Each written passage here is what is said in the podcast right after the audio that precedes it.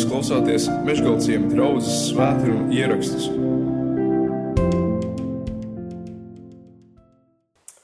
Labvakar! Man liels prieks atkal šeit būt, redzēt jūs, redzēt pazīstamas sejas. Kā nekā aizdomājieties, tas vieta tagad ir, ir, cik ir, ja mēs 18 vai 18 gadā, man liekas, mēs pirmoreiz bija, darījām šo nedēļu ar labo vīstu. Un uh, par to, ka tas Dievs mums ir devis tādu žēlastību, ka mēs jau visu laiku esam varējuši turpināt. Ja tā ir viņa žēlastība, tur nevar neko pielikt klāt vai, vai noņemt nost. Un tā ir arī liela dāvana, ka šeit varam būt. Un dažreiz ir labi tā dzīvē paskatīties atpakaļ, kas ir bijis. Un parasti, kad ir pjauju svētki, mēs to tā darām. Un tad sakrojam šeit dārzeņus, augus vai vienalga, kas ir. Un, un piedomājam par to, ja, ko Dievs mums ir dāvājis, ka Viņš par mums ir gādājis, ka Viņš ir rūpējies par mums, ka Viņš tomēr ir devis lietu un devis sauli, un, un ka labība ir uzplaukusi, un kāds to ir novācis, un, un ka mums um, ir tās dāvāns, ar ko mēs varam dzīvot. Un man parasti tādā veidā zinot to, ka cilvēkiem klājas arī grūti, man aizkustina kaut kas, ko Dāvids saka psalmā. Um, es esmu jauns bijis un vecs kļuvis. Un nekad es neesmu redzējis taisnā bērnu ubagojam par, par maizi. Un tā ir arī tāda cerība manā dzīvē, ka Dievs, ja tas, ja tas tā ir un tas tā ir apsolīts, vai nav cik grūti ir, Dievs par mums rūpējās, Dievs par mums gādās. Ir arī viens vienīgs stiprs apsolījums, ko Dievs mums ir devis, un tas ir, ja mēs dzīsimies pēc viņa un pēc viņa valstības, visu pārējo viņš pieliks klāt kā vajag. Tātad Dievs saka, es par jums rūpējos. Dievs saka, Uz mani jūs paļaujaties. Ja es jums kaut ko esmu apsolījis, tad to es jums esmu apsolījis, ka es par jums rūpēšos. Bet tā ir ceļš arī pļaujas laikā, vai arī tagad, skatoties atpakaļ, dzīvē arī ir labi. Zin, tu skaties atpakaļ un saki, kur tev ir bijuši panākumi, kur tev nav bijuši panākumi, kas izdevās, kas nav izdevies, ko vajadzētu mainīt, um, kas, bija, kas bija labi. To mēs jau arī pazīstam no skolas dienām. Es nezinu, kādēļ. Šeit jau mums ir arī vismaz viena skolotāja, kaut kāda iemesla dēļ, divas. Okay. Skola... Skolotājiem kaut kā tā domprātā, ka, ka skolēniem vajag rakstīt klases darbus vai testus vai kaut ko tādu. To viņi pārbauda to savas zināšanas. Varbūt viņi arī pārbauda to, cik labas viņas kā skolotājs ir. Kas pie skolēniem ir palicis karājoties, bet to mēs pazīstam no skolas dzīves tā kaut ko. Darba vietā mēs arī pazīstam. Pēkšņi šefs tevi izsauc un saka, mums jānāk, jānāk uz sarunām. Tu domā, mēģini izskatīt pēdējos trīs mēnešus, domā, kur tas nošaus buku, kur, kur ir labi izdevies, par ko viņš gribētu man runāt. Bet tā, bet tā tas ir. Svarīgi jau arī ir, ka pārbauda, ka mēs paši skatāmies atpakaļ, kas ir bijis labs, kas ir slikts, lai varētu izvērtīt. Lai nebūtu tā, tā kā Jeb, lai katrā ziņā mēs pielietotu to, ko Astrīda Lindgrēna raksta par Emīlu nedarbiem Lenebergā. Viņš darīja visu kaut kādas nedarbības, vis, nedarbus, visu kaut kādas muļķības, bet viņš nekad neatkārtoja to pašu muļķību divreiz. Viņš vienmēr izdomāja kaut ko jaunu. Tā jau arī mums, ja mēs esam izdarījuši kaut kādas muļķības, ka mēs to neatkārtotu. Varbūt mēs pastrādājam kaut kādu jaunu muļķību, bet vismaz mēs neatkārtojam to, kas ir bijis slikts pagātnē. Svarīgi tas ir. Dažreiz tas tā nenotiek, ka Vācijā ūdens upē sāka tūkstošiem zivju mirt. Liekas, cilvēki vēl visu laiku nezina, kādēļ tas tā ir noticis. Būtu bijis labi, ja kāds būtu skatījies tiem uz pirkstiem un būtu pārbaudījis, kas tur notiek. Vai patiešām tā ir tā sāls piedeva upē, ka tās aļģes izplatījās, bet kādēļ mira tūkstošiem un tūkstošiem zivju? Ja kāds viņu to atbildīgo rīcību būtu pārbaudījis par to, kā viņi reaģēja uz to, tas būtu bijis labi. Tātad mēs zinām, ir labi ja kāds skatās, ir labi, ja kāds pārbauda. to es saprotu. Bet tā, es esmu tas, kuru pārbaudu, man tas tik labi nepatīk. Es labprāt teikšu, tev to ir vajadzīgs, vai tev to ir vajadzīgs, bet savu pašu es labprāt gribētu no tā izņemt. Un tad vēl ir viena lieta. Ja citi tev pārbauda, ja citi tev tiesā pēdiņās, viena cita lieta ir, ja tu pats to dari. Tu skaties ap cilvēkiem ap sevi, un tad tu skaties uz, uz sevi, un šaubas lēnām sāk zin, rāpties augšā pa kaut kādām trepītēm, no pašas apakšas viņa rāpjas augšā tavā sirdī, līdz sasniedz arī tavs smadzenes, smadzenes un tavu prātu. Pārējie prot visu kaut ko labāku. Pārējie ir apdāvinātā, apdāvinātāki, pārējie ir skaistāki, pārējie ir garīgāki, pārējiem ir labāka ģimenes dzīve, labāks vīrs, labāka sieva, labāka bērni. Viņu izaicinājumi, viņu problēmas nav tik smagas kā manējās. Kā ceļojušam evaņģēlistam, mans uzdevums ir rakstīt vēstules tiem cilvēkiem, vai ziņojumus tiem cilvēkiem, kas man atbalsta, kas par mani lūdz. Un es jau īstenībā arī gribu viņiem rakstīt. Es gribu rakstīt par to, kas ir noticis. Es gribu rakstīt par to, kas vēl notiks, par ko viņi var lūgt un par ko viņi var pateikties Dievam. Bet, ja es kaut ko ienīstu, tad tas ir rakstīts šitās vēstules. Nav ne tā iemesla dēļ, ka es būtu slikts tajā vēstule rakstīšanā. Tas nav tas iemesls. Es reiz staigāju caur Vitsenbergu. Vitsenberga ir tā pilsēta, kur Mārtiņš Luters strādāja kā, kā pasniedzējs. Tas ir tas, kur viņš tās 95 reformācijas tēzes piesit pie baznīcas durvīm, kur viss sākās. Un kad iet caur Vitsenbergas, tagad viņi ir tāda maziņa, maziņa pilsētiņa, bet kad toreiz bija tā kā pasaules centrs. Un kad tu ej caur to galveno ielu, abās pēkšņi man tas uzskata, abās pusēs ielai ik pa dažiem metriem ir piemiņas plāksnes. Un uz tām piemiņas plāksnēm ir rakstīts, tā un tā datumā tas un tas šeit bija Vitsenburgā ieradies. Un tu domā, skaties, kas viņiem bija ūdenī toreiz. Jo tā liekas, zini, visi, kam bija kaut kāda teikšana pasaulē, tie tais dienās bija gājuši caur Vitsenburgu. Bet ir tāds joka priekšmets, ko tu vari nopirkt savai mājai. Un tas priekšmets, ko tu vari nopirkt, ir viena piemiņas plāksne. Un, un uz tās piemiņas plāksnes rakstīts, Šeit, šajā vietā, nekad nav nekā ievērojama noticis. Un dažreiz es tā jūtos attiecībā uz savu dzīvi. Es skatos atpakaļ, un man ir kaut kādi jāsaka, nekā ievērojama nav noticis. Par ko lai es, par ko lai es rakstu? Dažreiz man ir uznāk izmisums, jo es tā skatos, domāju, nekas. Zina, ne, nekas, kas pasauli būtu iekustinājis, tas ir noticis manā dzīvē. Kāda, un tam man tā liekas, kādēļ visiem pārējiem ir sekmes? Kādēļ viņi skatās uz panākumiem savā dzīvē? Kādēļ viņiem tas viss ir, viss ir piena, pie, pieejams? Kādēļ viņu dzīve tā izskatās, ka tā vienkārši ir rita gluda? Ja, vai tad es esmu kaut, kādī, kaut kādā utrupē, par ko es neko nezināju, esmu nodevis to augstākos, augstāko uh, solījumu par, par visām pasaules problēmām. Man taču arī bija liela sapņa savai dzīvē. Un tagad, pēc sajūtas, es, es esmu tas lielākais neveiksminieks pasaules virsū. Un tad ir laiks rakstīt to vēstuli, un es nezinu, ko es rakstu. Un tad ir, ir tie momenti, kad mana dvēsele brēc, jo tas izmis, izmisums aug, jo man liekas, tā es esmu bezcerīgs. Un tad man sirds sāp, jo es neesmu drošs, vai kaut kad nākotnē pienāks tā diena, ka arī mana dzīve ritēs tik gludi, zinu, ka es teikšu, šis ir autobāna, šī maģistrāle, šī superautošose, es tikai braucu, zinu, svilpodams. Un tad man ir jāraksta vēstule. Ja es to nedarīšu, tad tie, kas man atbalsta, tie varbūt teiks, viņš šeit tā neko nedara, mēs viņu, mēs viņu uzdosim. Un ja es rakstu, tad viņi varētu rakstīt, o, Amadejams, viņš ir tāds bezcerīgs, mēs labāk novērsīsimies no viņa un pievērsīsimies kādam citam. Un tā es jūtos dažreiz kā viens īsts neveiksminieks, Un tie sapņi, kas man agrāk bija, tie liekas šausmīgi tālu prom, kaut kur miglā paslēpti. Labi, es esmu apprecējies ar vienu skaistu sievieti, ar Sofiju. Man ir četras smukas meitas, viena no tām kāja ir šeit līdz, līdz ar mani. Es drīkstu šeit, un drīkstu arī citur sludināt. Tā arī šī nedēļa labo vējas ir gandrīz pienākusi jau galā. Bet ko šīs lietas ir vērtas? Ja es stāvētu tagad Dievu priekšā, un Viņš man tiesātu, ko tas ir vērts, ko es varu uzrādīt.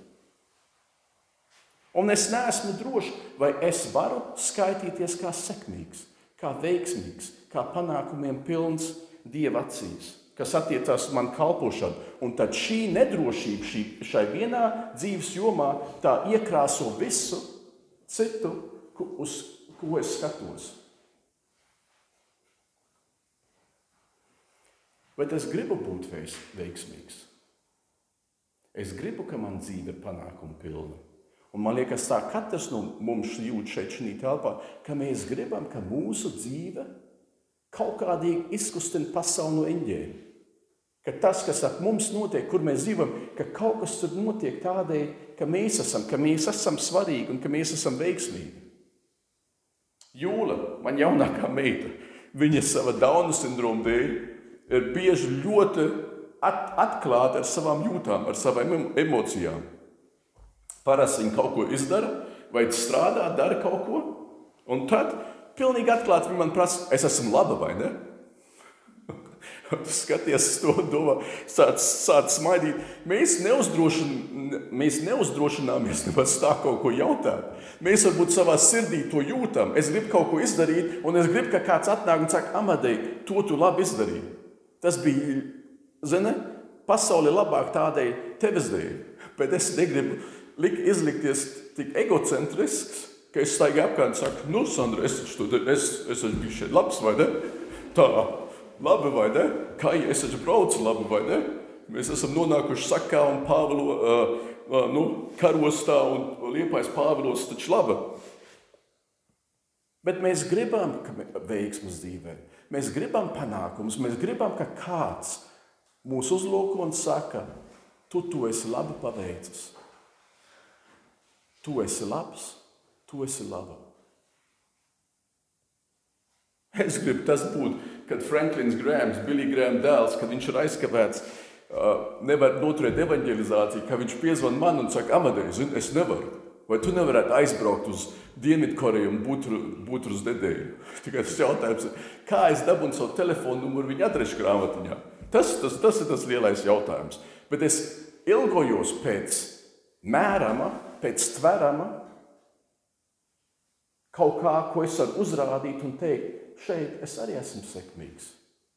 Es arī esmu kaut ko panācis. Mana dzīve ir panākumi, pa, panākumiem pilna.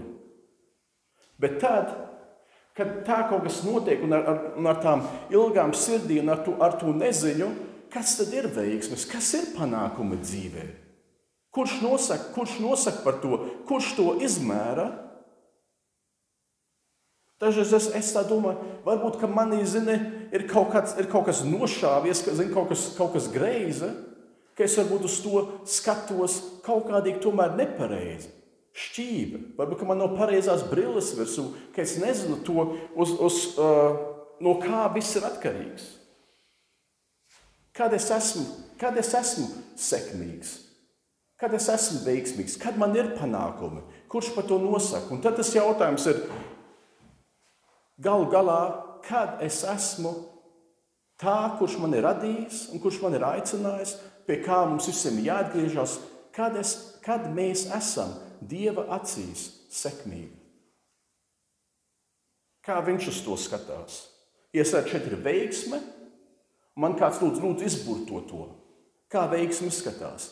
Kā es un kā tu izburto panākumus? Kas tas ir? Un vienmēr, kad es par to sāku domāt, es atgriežos, ja es nonāku pie viena no Bībeles varoņiem. Es nonāku pie Jāņa Kristītāja. Un tad es arī tā domāju, vai viņš rakstīja vēstules saviem draugiem. Un varbūt viņš arī dažreiz nezināja, ko rakstīt. Un ja viņš būtu rakstījis, ko tad viņš rakstīja? Hei, šodien man bija brīnišķīga iespēja runāt ar pašu ķēniņu. Un zināt ko? Rītdienu man būs tā iespēja uzsākt darbu starp cietumniekiem. Jo es nonācu, es nonācu cietumā. Vai viņš, vai viņš tā kaut ko rakstītu? Par viņa dzīve ir teikt sekojošais. Un es gribu no Marka evaņģēlīja nolasīt to. Marka evaņģēlīja sastāvs nodaļa sākot ar 14. pantu. Ķīniņš Hierods dzirdēja, ka Jēzus ja, kļuva ar vien slavenāks, ir darījis vairāk darbus. jo Jēzus vārds bija taps zināms, un Herods sacīja, ka Jānis Kristītājs esot uzmodināts no miroņiem, un tādēļ viņā tāda brīnuma spēka darbojoties. Bet citi sacīja, Jēzus esot Ēlija, un citi sacīja, Jēzus ir pravietis kā viens no praviešiem, bet Herods to dzirdēja sacīja, Jānis, kam es galvu nocirtu, uzsēlies no miroņiem. Jo tas pats Herods bija sūtījis un licis Jānu apcietināt un saistīt cietumā Herodijas sava brāļa Filipa sievas dēļ. Jo viņš to bija apprecējis, bet Jānis Herodam bija sacījis, tev neklājas, ka tev ir tava brāļa sieva.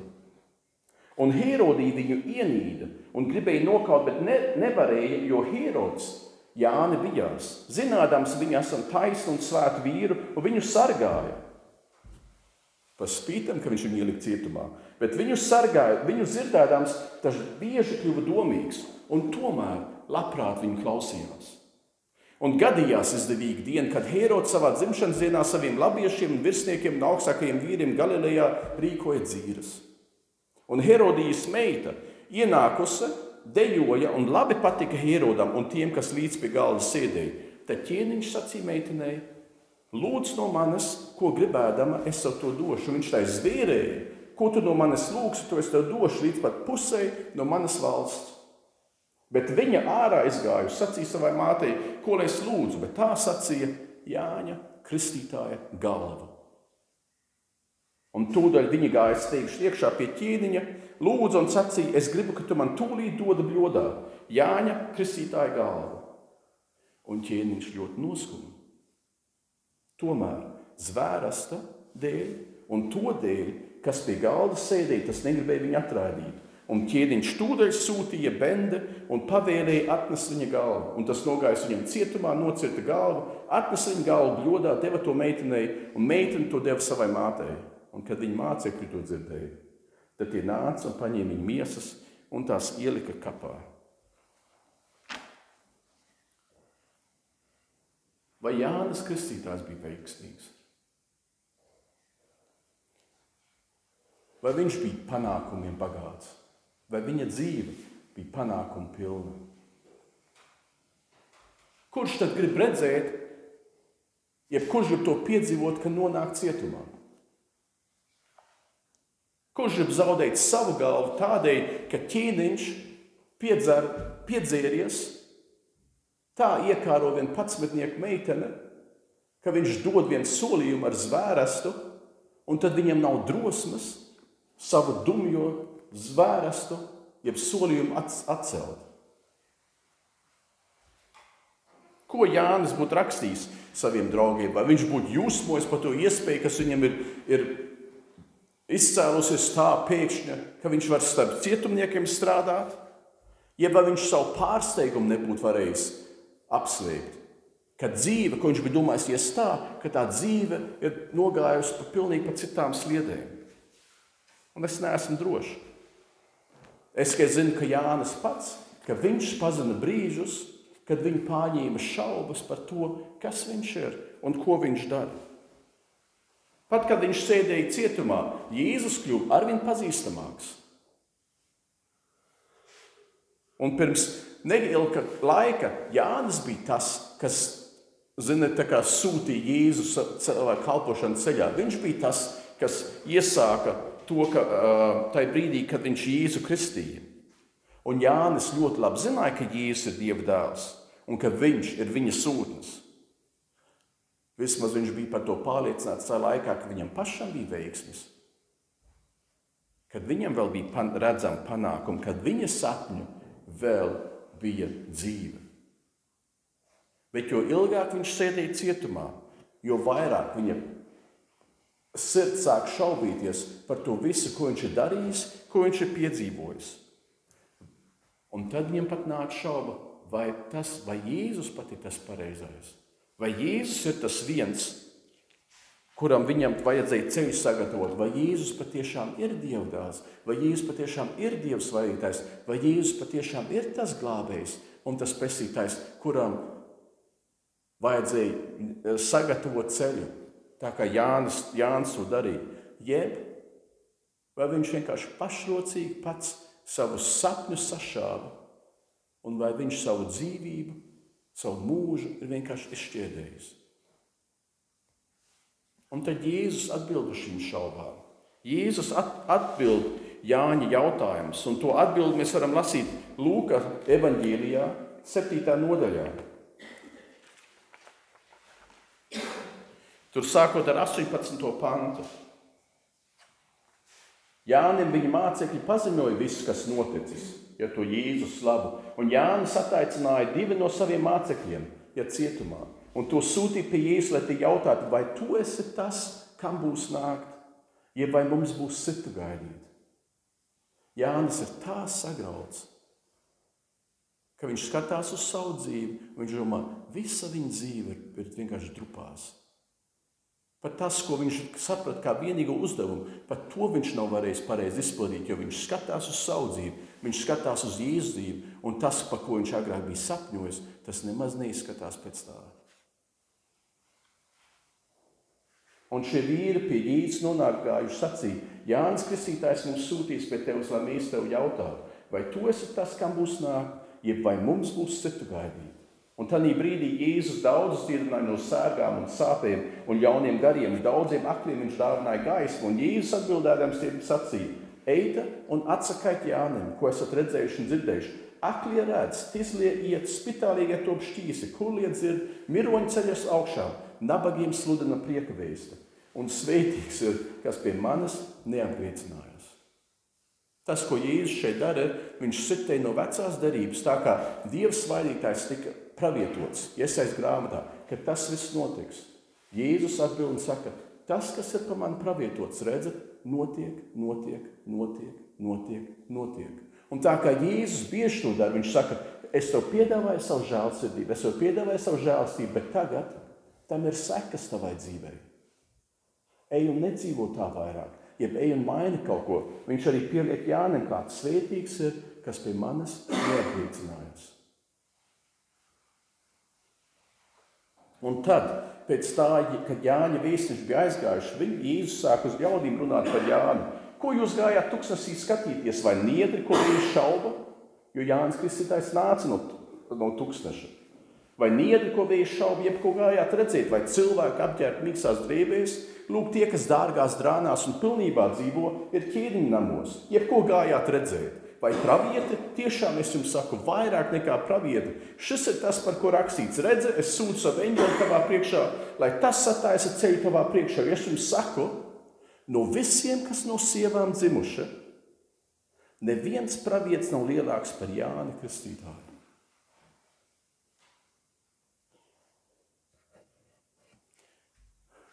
Kas ir veiksme dzīvē? Kā tu definē vai kā tu izburto panākumu dzīvē.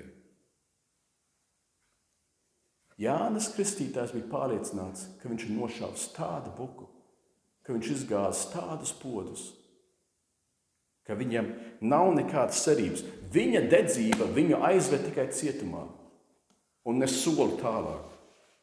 Un tad viņš arī sagatavoja kādam ceļu, kurš neturpināja to tādā veidā, kā Jānis to bija izsapņojies, kā tas notiks. Un Jānis jutās kā neveiksminieks. Un manā acīs viņam nebija sevišķi daudz panākumu. Pēc manām domām es viņu nebūtu nolicis tā kā, tā kā uh, slavas zālē, Bībeles varoņu slavas zālē par spītām, visu kā viņš iesāka. Bet tad galu galā Kas es esmu, ka es drīkstētu par to tiesāt? Jēzus skatījās uz Jānu, un viņš pasludināja, ka nav neviena cilvēka, kas jebkad dzīvojis vai dzīvos, nav neviena cilvēka, kas būtu lielāks par šo Jānu.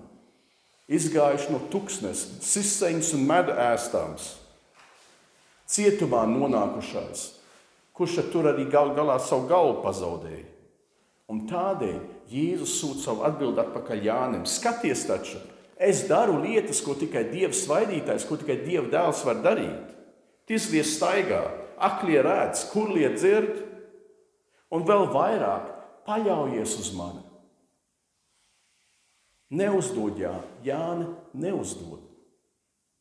Jo es patiešām esmu tas viens. Tu savu dzīvi manis labā neesi izšķiedējis. Dieva acīs Jānis bija panākumiem bagāts. Dieva acīs Jāņa dzīve bija veiksmīga. Arī pat ja viņš neko daudz savas dzīves pēdējos gados vai mēnešos, arī ja viņš neko daudz nebūtu mājās varējis rakstīt, bet viņa dzīve bija veiksmīga. Jānis pats bija veiksmīgs, un Dieva dēls viņu apbrīnoja. Kādēļ, viņa, kādēļ viņš ir Dieva acīs veiksmīgs? Jo gal galā skaitās tikai tas, kā Dievs mūs vērtē. Apostols Pāvils par to rakstīja draudzē Korintā, un tas ir atrodams 1. korintiešu vēsturē, 4. nodaļā, 1. pantos.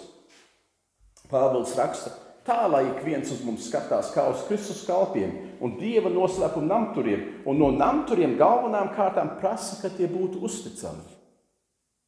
Bet tā man ir maza lieta, ka jūs mani tiesājat, vai kāda cilvēka tiesa. Es neesmu arī pats savs tiesas, saka, es pat neuzdrošinos sevi tiesāt. Es gan nekā neapzinos, bet tādēļ vēl neesmu taisnots, bet mans tiesnesis ir tas kungs. Dievs bija uzticējis Jānim vienu uzdevumu, un Jānis no šī viena uzdevuma nenovērsās ne pa labi, ne pa kreisi. Viņš pat gribēja Jēzu pārliecināt, tā, ka Jēzus nāca pie viņa un teica, tev ir man jākristī.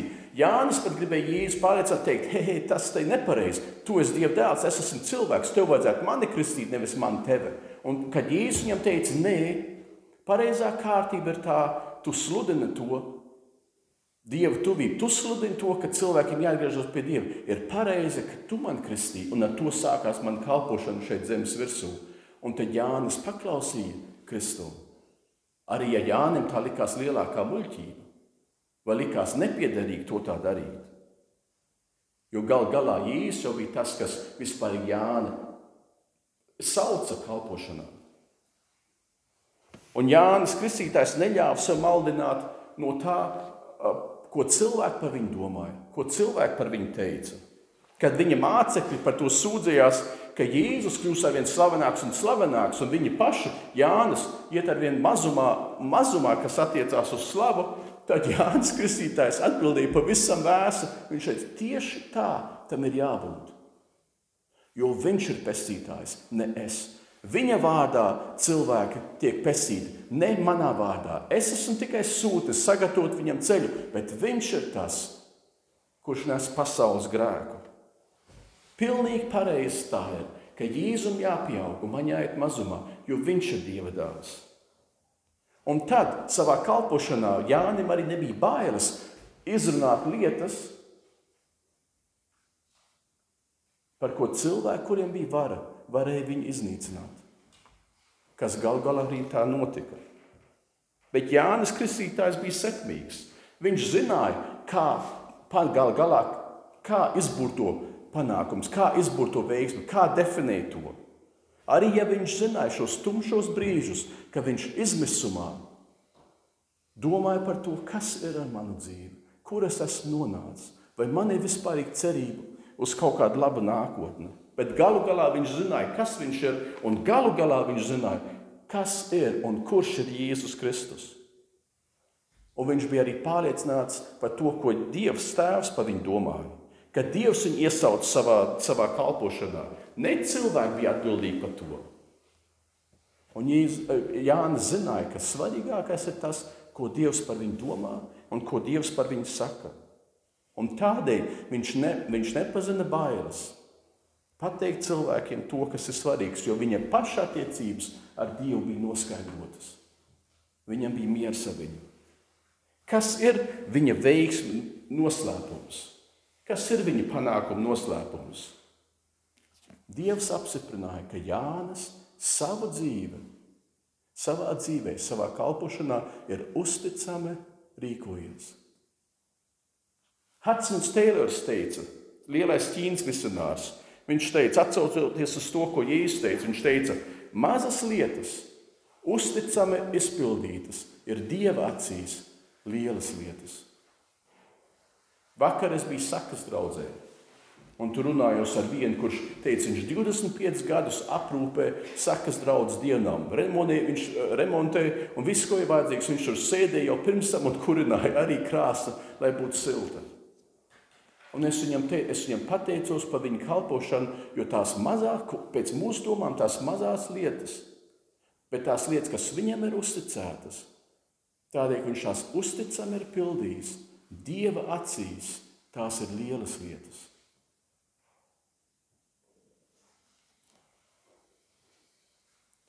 Un Jānis palika arī uzticams, uzticams savām pārliecībām. Viņam nebija bailes no cilvēkiem, un viņš bija pārliecināts, ka galu galā Dievs rūpējās par viņa dzīvi, par viņa kalpošanu, par viņa sapņiem. Un ka Dieva mīlestība aptvēra Jānu, ka viņš bija tajā droši tā, kā Jēzus mums apsola. No manas rokas jūs neviens neizraus, jūs esat droši manī. Galu galā Jānis Kristītājs zināja, ka Dievam viņš patīk, ka Dievs viņu mīl, ka Dievs viņu neļaus krist nogāzties, ka viņš nekad nepiecelsies. Par spīti saviem izaicinājumiem, par spīti viņu pašaubām, par spīti tam, ko cilvēki par viņu domāja, ko cilvēki par viņu teica, ko cilvēki viņam darīja. Es nezinu, es neesmu pārliecināts, ka man jebkad patiks rakstīt tās vēstules, kas man jāraksta. Bet domājot par to un domājot par Jāņa Kristītāja dzīvi, es gribu būt tik sekmīgs savā dzīvē, kā Jānis Kristītājs ir bijis sekmīgs. Dievs uz viņu skatījās savādāk. Jebkā Dievs uz viņu skatījās, atšķirās no tā, kā es uz viņu skatījos. Un tagad, ja tu par to padomā, Dievs noteikti arī uz tevi skatās savādāk nekā tu uz sevi skaties. Kad, kā Dievs uz tevi skatās, ka tas atšķirās no tā, kā tu pats uz sevi skaties. Ja, par, ja Dievam par mani vajadzētu rakstīt vēstījumu, viņš atrast pareizos vārdus. Ja Dievam par tevi vajadzētu kaut ko rakstīt kādam, viņš atrast to, to pareizo tēmatu to, par ko ir vērts pieminēt, ko ir vērts likt iekšā. Un tādēļ viņš arī pa Jāna Kristītē varēja teikt, es jums saku, tas tur starp cilvēkiem nav neviena lielāka jebkad bijis kā šis viens. Pasaules acīs tas nav sasniegums. Pasaules acīs viņš izgāz podus. Varbūt viņam nevajadzēja tā runāt ar ķēniņu. Varbūt viņam vajadzēja, varbūt viņš būtu varējis uzrakstīt vēstuli, es esmu diplomātiskāk. Jo pasies, kur viņš gal galā nonāca. Bet Dieva acīs viņš ir panākumiem bagāts, viņš ir veiksminieks, viņam ir sekmes dzīvē. Tavs tēvs debesīs, Dievs tev mīl no visas sirds. Nevis tādēļ, ko tu vari uzrādīt, Pat tad, kad tu izgāzi podus, ja Čārls Spērģents teica, ka Dievs mūsu, tas man ir liels mierinājums, ka Dievs mūs vērtē pēc tām ilgām, ko viņš redz mūsu sirdī. Drīzāk pēc tā, nekā pēc tā, ko mēs īstenībā varam viņam uz paplātu pasniegt. Jo dažreiz tas, ko es uz paplātu Dievam varu pasniegt, ir tik maz. Un Spērģents teica, bet tava sirds, ja viņš redz tavu sirdi un īstenībā tavā sirdī, tu ilgojies pēc viņa, tad Dievs to vērtē augstāk tavs sirds nostāja, nekā to, ko viņam var uz tās paplātes pasniegt. Un arī tev, arī mums, viņš ir uzrakstījis mīlestības vēstuli, kur viņš izsaka, izsaka lietas, lietas par tevi. Un šo, tas ir no Bībeles izņemta citāta, un šo vēstuli es gribētu kopā ar jums nolasīt. Un Kaija un Jūlija izdalīs katram savā pusē. Vienkārši paņemat vienu un tad, un tad kopā lasām. Un lasām to, nelasām tās bībeles vietas, kas tur ir. Tās bībeles vietas jūs varat vēlāk apskatīties. Bet vienkārši las, lasām tad vienu, vienu teikumu pēc, pēc otra. Jo tas ir tas, ko Dievs par tevi domā. No tā, kas šajā vēstulē ir rakstīts, no tā mēs nākam, uz to mēs, mēs būvējam. Saprotiet, no tā, tas ir tas mūsu izējas punkts. Sākam. Mīļais bērns, es tevi ļoti labi pazīstu, arī ja tu mani vēl nemaz neesi iepazinis. Es zinu, kad tu celies un kad tu dodies gulēt. Es tevi radīju pēc savas līdzības. Tu esi mans bērns. Tu neesi tikai negadījuma vai sagadīšanās dēļ šeit. Es katru tavu dzīves dienu esmu ierakstījis savā grāmatā. Es noteicu tavas dzimšanas brīdi un vietu un izdomāju, kur dzīvosi. Mani nodomi, ko esmu tev iecerējis, satur labu nākotni un cerību. Un manas labās domas par tevi neviens nevar izskaidrot, jo to ir vairāk par smiltīm pludmalē. Es par tevi tā priecājos, ka varu tikai gavilēt. Un kad tava sirds ir salauzta, tad esmu tev tuvu. Kā gans nes jēru, tā es tevi nesu savā klīpī. Un nāk diena, kad es visas asaras nožāvēšu no tavām acīm, un es visas tavas dzīves bēdas un sāpes paņemšu projām. Un es visu devu tavā labā, jo vēlos iegūt tavu mīlestību. Un es tev tagad jautāju, vai tu gribi kļūt, vai tu gribi patiesi kļūt mans bērns? Es gaidu uz tevi. Mīlestībā tavs tēvs, visu varenais Dievs. No šā mēs nākam. Tas, ko mēs darām, tas ir svarīgi. Dievs mums nav iedevis guļam, uh, guļam tīklus, un tas saka, šeit divi koki, uzsver to un gul tikai. Nē, Dievs ir mums devis uzdevums, viņš sagaida, ka mēs to darām. Bet kā Dievs uz mums skatās, Tas samērā droši atšķirās no tā, kā mēs paši uz sevi skatāmies. Tā kā viņš uz Jānu Kristītāju skatījās, atšķirās no tā, kā es uz viņu skatījos, atšķirās no tā, kā Jānis Kristītājs pats uz sevi skatījās. Jo mazas lietas, uzticam padarītas, izpildītas, ir Dieva acīs lielas lietas. Un tas pamats, uz ko mēs stāvam, ir šis ir Dievvvārdā teiktais, un no tā mēs ejam tālāk. Bet sekmes, veiksmīgs es esmu. Ne tādēļ, ko es daru, bet tādēļ, kas Kristus ir.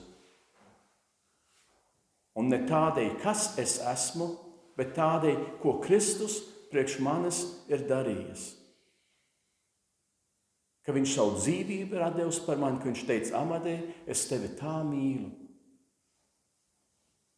Un to viņš ir arī ar katru no mums darījis. Mēs sākam pie Armāna aizmugurē, ejam visai, visai rindā šeit cauri un nonākam atkal pie Andītura. Kad Dievs mums saka, tevi es mīlu. Tādēļ es savu dzīvību par tevi devu. Es nezinu, kā mums vīriešiem jūtas, kad saka, es tevi mīlu. Zinu? Tad es domāju, jā, skaidrs. Jā,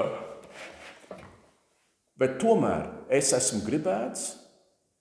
Šausmīgākā atmiņa manā, manā manas skolas dzīves ir, kad mēs pirmoreiz ieradāmies Vācijā. Vācijā jau, jau futbols spēlēja kā dūle. Zinu, ko es no Latvijas vēl nepazinu. Mēs slēpojām ziemā, zinu, visu kaut ko tādu. Aizbraucu uz Vāciju lielajā starpbrīdī. No, zēni satiekās un mēs spēlējām futbolu.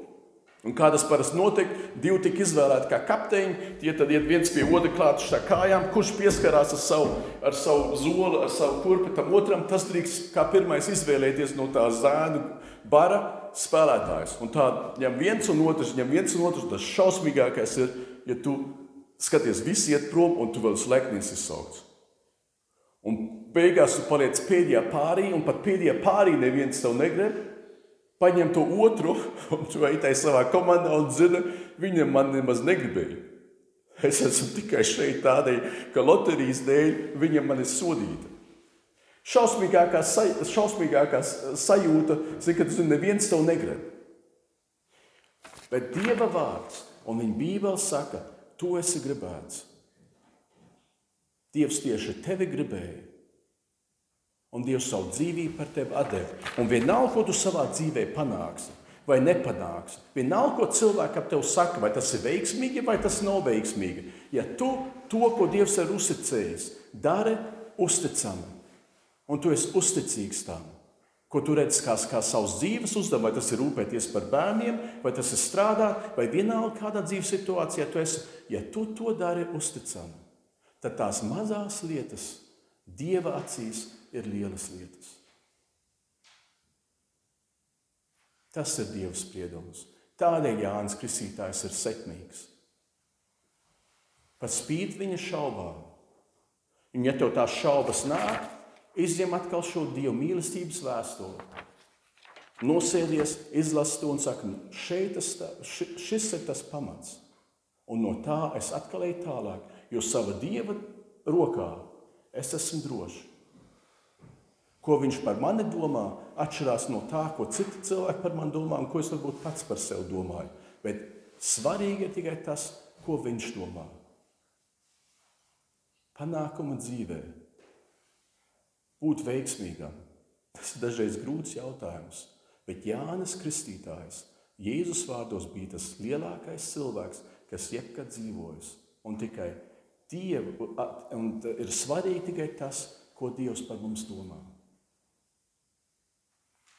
Ja tu šim dievam gribi nodot, varbūt tu neizdarīsi, ja tu mani to, ka tev ir tāda sāpes savā dzīvē, un tu gribētu kādu lūgt, tad es tev piedāvāju to, ka tu pēc šī dievkalpojuma vari atnākt priekšā, mēs dziedāsim vēl dziesmu, tu vari nākt jebkurā laikā, ja arī vienkārši beigās es šeit būšu, ja tu vari nākt pie Sandras, kad vienkārši var nākt uz priekšu, lai lūgtu, lai varbūt saprast to un atkal aptvērt to, ko Dievs īstenībā par tevi saka.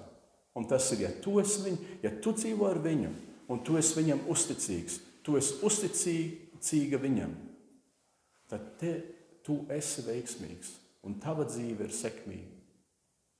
Un Dievs par tevi spriež citādāk, nekā tu pati par sevi to dari. Āmen!